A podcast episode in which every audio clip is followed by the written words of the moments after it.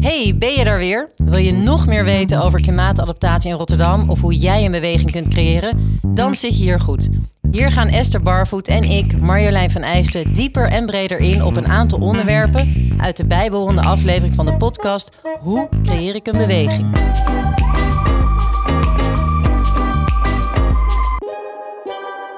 Hoi allemaal, welkom bij deze bonus van aflevering 1 met John Jacobs en André Rodenburg, oprichters van de beweging Water Sensitive Rotterdam. We hebben deze bonus geordend aan de hand van een aantal extra vragen die bij de opname van het studiogesprek met deze mannen oppopten. En dat zijn: waarom hebben we gekozen om mensen te inspireren? Hoe financier je zo'n beweging? En hoe krijg je mensen in je eigen organisatie mee? En we beginnen bij de eerste vraag: waarom hebben we gekozen om mensen te inspireren? Nou, gewoon omdat het leuk is. nee. Ehm, wat we, wat, wat, wat we al, al zeiden, kijk, het gaat om een nieuwe manier van denken en werken. En daar kun je wel heel erg gaan eh, een notitie over schrijven en die mensen onder hun neus douwen of zeggen van je moet anders gaan denken en werken. Dat werkt niet. Dat, dat, dat, dat, hè, dat, dat, dat landt niet. Dus je moet, je moet mensen moet je triggeren. Het moet, het moet, ze, ze moeten geraakt worden. Ehm, en mensen, organisaties, wat dan ook. En voor ons was, was de manier om dat te doen is, is eh, inderdaad inspireren. Ehm, een, mooi verhaal vertellen, het goede verhaal. eh, prachtige beelden erbij maken. eh, maar ook hele andere dingen als, als, als gekke workshops. Hè. De, de water sensitive cafés waren op een gegeven moment... daar wil iedereen bij zijn. Ehm, en, en, en- en, grappig genoeg dat, dat mensen elkaar daar ontmoeten, elkaar nooit eerder gesproken hebben, van hele verschillende achtergronden, or- organisaties, wat dan ook. En daar kwamen weer nieuwe projecten uit en nieuw, nieuw eh, enthousiasme. Dus ik denk dat het een van de, de mooiste dingen is die we gedaan hebben. Het inspireren als, als, als hoofduitgangspunt eh, kiezen. Ja, en door het inspireren krijg je ook dat mensen vanuit een hè, innerlijke motivatie, innerlijke drive, je raakt ze in het hart. En het is al voorbij gekomen eerder, daardoor krijg je ook ambassadeurs. Hoe belangrijk zijn die ambassadeurs voor jou geweest? Ja, die, die waren essentieel. Hè? Dat is de groei van de beweging geweest. Ik bedoel, eh, we kunnen wel heel hard gaan roepen met z'n vieren, we zijn in beweging. Maar als het met z'n vieren blijft, dan, dan, dan is het een heel klein bewegingje, zeg maar. En, eh, en wat André en ik in het begin ook al gezegd hebben van... Kijk, we willen, we willen wel dat het door blijft gaan. Dat er continuïteit is en dat mensen zich gehoord voelen. Dat die gelijkwaardigheid er is. Maar wij moeten dat niet blijven trekken tot in de eeuwen der eeuwen. Want dat, dat, hè, dan gaat het niet meer om de beweging. Dan, dan zijn wij het gezicht van Sensitive Rotterdam of de Goe of weet ik veel. Dus wij hebben bewust een keuze gemaakt om na een eh, aantal jaar... of op, voorhand al gezegd, we gaan dit een aantal jaar doen. Maar daarna moet het eh, zichzelf verbreden, eh, in stand blijven, eh, nou ja, eh, doorgaan. En zo niet, dan is het ook goed. Hè? Dan, dan is het gewoon niet gelukt. Maar eh, nou, in ons geval pakte dat erg goed uit. En ik heb er een mooie sabbatical aan overgehouden met een mooie reis. Mooi. Weet je wat wel leuk is om te noemen, denk ik? eh, is in, ehm, in het vorige stuk vertelde André dat, eh, dat we richt- ons richten op drie pijlers: op eh, interne borging, de stad, de projecten. Ehm, en ik denk dat het wel belangrijk is om daar even over te, op in te haken. Dat wij die drie eh, ehm, pijlers niet in de communicatie hebben terug laten komen. Dus we, we hebben er heel bewust voor gekozen om in de communicatie juist te gaan voor, voor één stem ehm, en één eh, inspiratie, zeg maar. Dus ehm, de, de WSR-cafés die eh, John net noemt, dat waren cafés waar al die verschillende mensen van binnen de gemeente, buiten de gemeente, van corporaties of organisaties binnen de stad tot aan bewoners, tot aan bewonersinitiatieven. Iedereen kwam daar bij elkaar. En dat is juist zo gaaf. Dan krijg je juist ook spontaan die eh, inspiratie. Omdat je al die verschillende eh, perspectieven eigenlijk op de stad eh, bij elkaar brengt. Dus wij vonden het heel belangrijk om, eh, om al die partijen op dezelfde manier aan te spreken. Vanuit dezelfde inspiratie. En ook van, vanuit de boodschap van klimaatverandering komt eraan. Maar dat is juist een kans. En dat, we kunnen er juist een gave stad van maken. En die boodschap, eh, ja, dat werkte als een inspirerende boodschap voor iedereen, zeg maar. Ja, Ja. Ja, en het verschil, je hebt andere soort activiteiten. Dus, dus mensen krijgen meer begrip voor waar de ander mee bezig is... doordat je Ja. ze bij elkaar brengt. Anders heb je groepen van gelijkgestemden die je bij elkaar zet... en dan denken, ja, als, een, eh, als je vraagt aan een timmerman wat de oplossing is... dan zullen het wel spijkers worden. Terwijl we juist eh, door die differentiatie heel erg... ehm, ja, ook die bewoner of die stichting lieten zien waar die eh, ambtenaar mee bezig is... die eh, met het beheer van het groen eh, zijn uitdagingen heeft. En ook die landschapsarchitect, waarom die keuzes maakt.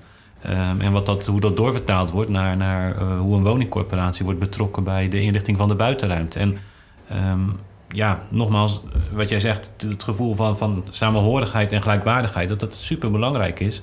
Maar ook het leren ehm, snappen van elkaars taal. Ja, ja. Ja. Ja, en dus die ambassadeurs, om je vraag te beantwoorden, die zijn extreem belangrijk in. Want die dragen ook datzelfde enthousiasme uit. En dat kan op een heel ander onderwerp leggen. De een wordt helemaal blij van een prachtig inderdaad aangelegde geveltuin. En de ander wordt helemaal blij van een ingewikkeld uh, uh, Excel-sheet verhaal. ja, het, het maakt niet uit, maar je hebt ze allemaal nodig. Precies. ja. En, en er zijn ook mensen die het allemaal echt heel stom vinden. Hè? Ik bedoel, de- de- laten we de andere kant eh, bekijken. Dat is ook prima, dat mag ook. Hè? Mensen worden niet gedwongen om mee te doen. Het moet echt puur vanuit de intrinsieke motivatie gaan. Ja, en dat is de kracht. Dat is kracht. Ja. En we hebben dus ook altijd gezegd van, weet je, eh, verandering breng je niet tot stand door dwang, Nee. maar doordat het aansprekend is. Precies. En eh dat doel van iets doen, de, de stad voorbereiden op klimaatverandering, dat is al aansprekend. En eh, ja, door er ook gewoon hele gave, eh, gezellige bijeenkomsten van te maken waar je mensen ontmoet, waar je op een hele andere manier eh, interactie met elkaar aangaat, dat, eh dat droeg daaraan bij. Ja, dat is allemaal leuk en aardig natuurlijk, zo'n opzwepende beweging. Maar hoe krijg je daar nou eigenlijk geld voor bij elkaar? Hoe financier je zo'n beweging? Ja, in het begin, eh, dan, dan, dat waren gewoon onze eigen uren vooral. dus dan hè, dat heel veel praten, heel veel prestaties geven, eh, eh, mensen lokken. Ehm, de ambassadeurs erbij halen, dat, dat zijn nog niet de kosten. Hè. Dan, dan gaat het om klein handgeld of, of eh, een zaaltje huren en dat soort dingen. Dat, dat kan altijd, hè. binnen elke organisatie is daar wel ruimte voor. Maar naarmate het, het, het, het groter werd en er ook projecten eh, uitgevoerd werden. Hè. De eerste drie projecten was al in het eerste jaar, maar daarna is het enorm uitgedijd. Ehm, en, en meer mensen bij betrokken waren, ook, ook mensen die ingehuurd worden. Ja, dan moet, dan moet er op een gegeven moment wel eh, financiële ruimte zijn. En ehm, nou, elke eh, grote organisatie heeft ruimte. In ons geval, Rotterdam heeft een gemeentelijk rioleringsplan, zoals dat heet. Dat is eh, telkens eh, vier, vijf jaar geldig. En daarin eh, worden grosso modo de budgetten aangegeven die je kunt besteden aan diverse onderdelen op het van water. Dit, dit, dit mag ook alleen besteed worden aan water en riolering. Dat is wettelijke plicht. Nou, Water Sensitive Rotterdam, het woord zegt het al een beetje, gaat vooral ook over water en misschien wat breder, maar daar kunnen we wel zuiver mee omgaan. Dus wat we op een gegeven moment gedaan hebben, is laten opnemen in het gemeentelijk rioleringsplan dat eh Water Sensitive Rotterdam een eigen budget krijgt. En eh, dat, zijn, dat zijn echt eh, hele lage kosten in, in vergelijking met bijvoorbeeld de hele rioolvervanging in de, in de stad. Hè, want dan gaat het echt om, om 50, 60 miljoen per jaar. Daar kan we langer niet aan. Jammer genoeg. Maar, maar als je dan vervolgens kijkt, en dat was ook de uitleg waardoor, waardoor het mogelijk was om daar een apart budget voor, voor, voor Sensitive Rotterdam dus op te nemen, is als je kijkt naar een, een, eh, een, een- meter eh, rioolvervanging kost grosso modo 1000 euro. Dus als je het hebt over een straat van een paar honderd meter, dan heb je het echt al over enorme bedragen, hè, tonnen tot miljoenen. Zeker als het om wijken, wijken gaat. Maar als je nou kunt, kunt aantonen en laten zien dat sommige van de maatregelen die we en van de projecten die we in Water Sensitive Rotterdam gedaan hebben, dat die nog meer bieden, die, evenveel water vasthouden, of dat die, eh, maar ook een aantrekkelijker buitenruimte opleveren. En dat er heel veel andere partijen bij, bij betrokken zijn en soms meegefinancierd hebben. Ja, dan, dan zet je dat toch in een ander daglicht. Hè? Dan kun je aantonen dat wat je doet is eigenlijk nog veel eh, nuttiger eh, voor de stad. Heeft nog ve- veel meer positieve bijeffecten voor minder geld dat je uitgeeft. En dat kan natuurlijk niet overal. Hè? Ik bedoel, daarom, anders zouden we wel in de hele stad overal actief zijn. Maar, eh, dus het is ook een kwestie van, van heel eh, slim en, en verantwoord omgaan met de middelen die, die, die je hebt. Want het zijn natuurlijk, de middelen zijn van ons allemaal. Hè? Alle bewoners dragen eraan bij. Dus ehm, nou, dat, dat, dat is gelukt. En, eh, Maar is het dan puur een kwestie van slim ermee omgaan?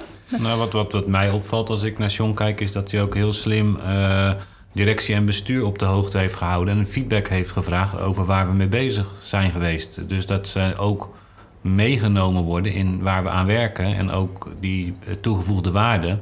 eh, ook op andere programma's die we hebben als gemeente. Dat, dat dat ook onderdeel was van Water Sensitive Rotterdam. En het niet alleen over water ging. Dus het is zowel het geld regelen, maar ook, ook eigenlijk soort zeggen voor dat draagvlak op, een, op, een, ja, op het niveau van bestuur en directie dat dat er is. Dat, uh, dat is ook belangrijk geweest. Maar is dat dan voorbehouden aan, aan, aan een enkeling? Dat de... Nee, dat, dat, dat zou natuurlijk heel, heel, uh, heel slecht zijn. Ik ben, want wat, wat ik net ook had vertellen, het moet ook wel volkomen transparant zijn. Hè? Het zijn publieke middelen, dus ja. er zit niks geheimzinnigs achter. Dus ik vind ook, kijk, slim ingericht. Nou ja, het is, het is verstandig ingericht, het is verantwoordelijk gedaan en het is volkomen transparant. Maar wat je merkt in de praktijk, inderdaad, uh, meerdere collega's van mij zouden dit kunnen doen. Uh, of op, op een ander project of een programma of wat dan ook. En sommigen uh, zijn daar heel terughoudend in of denken dat dat niet kan of niet mag. En dat, dat heeft alleszins te maken met uh, taakopvatting. Hè. Die mensen zijn, zijn heel erg bezig met hun taak, maar, maar, maar denken binnen een bepaalde smallere context. En denken van ja, daar, mag ik niet buiten treden. En uh, ja, het is, het is een beetje lastig om te vertellen, maar meer kan wel dan je denkt. Hè? Die context bepaal je vaak heel erg zelf. En uh, als, je, als je de dingen inderdaad goed afstemt en goed overlegt met, met, met de lijn of met management en wat dan ook. En, en wat het gedachtegoed erachter is. En je kunt het uitleggen. Ja, dan is er vaak veel meer mogelijk. Maar ja, dat, dat, dat vergt ook wel extra energie en uh, inderdaad ondernemerschap. En zijn, zijn sommige uh, ambtenaren dus dan te voorzichtig eigenlijk? Met... Ja, ja, daar ben ik wel van overtuigd. Ik vind een van de, van de van de veranderingen die ik graag zou willen teweegbrengen. Hè, als het gaat om dat werk- en denkniveau van Watersensitive Rotterdam. Dat, dat uh, ik hoop dat ambtenaren wel ondernemender worden. En ma makkelijker buiten hun kaders uh, denken. En is dat ook een advies die je mee wil geven naar de luisteraar algemeen? Ja, absoluut. Ja. ja. Denk buiten de kaders, onderzoek wat de mogelijkheden zijn. Kijk ook waar je anderen met jouw idee kan dienen. Hè? Dus dat je gaat verbinden met elkaar. Maar, maar, ik heb ook niet het idee dat het specifiek voor ambtenaren is. Ik zie dit in, in hmm. andere organisaties waarmee wij samenwerken ook gewoon gebeuren. Dat, hmm. dat, dat, en soms moeten we ze daarbij helpen of ook zeggen... nou, wij hebben het zo gedaan, zou dat bij jullie ook zo werken? Maar dat ook in andere organisaties ter terughoudendheid is. Omdat het nieuw is, het is een andere manier van werken. Het is een andere manier van hoe je budgetten organiseert... en, en hoe je ze te goede laat komen aan de stad. En ja, alles wat anders is, daar wordt toch een beetje naar gekeken van ja, is dat nog wel uh, de manier zoals we het in hebben gericht? Ja, vaak is het antwoord nee. Maar dan moeten we misschien nadenken of we het anders in moeten richten. In plaats van te zeggen het kan niet, want het past niet in het systeem. Ja. ja. Ja, en dat, dat, heeft natuurlijk ook te maken met karakters. Hè. De ene is wat introverter dan de ander. En, uh, dus ik, ik, zeg ook niet dat iedereen dit zo moet doen. Hè. Maar, maar de ruimte is er wel. En kijk, wat, wat ik echt absoluut zou willen verbieden... dat mensen zeggen, en of het nou ambtenaren zijn of, of andere mensen daar ben ik niet van. Dat, dat is echt het meest afgrijzelijke zin die je kunt uitspreken in mijn nabijheid. Ja. Iedereen die wel eens iets met verandering heeft gedaan, die weet hoe lastig het is om de mensen in de eigen organisatie mee te krijgen. Laten we eens even luisteren naar hoe John en André dat hebben gedaan.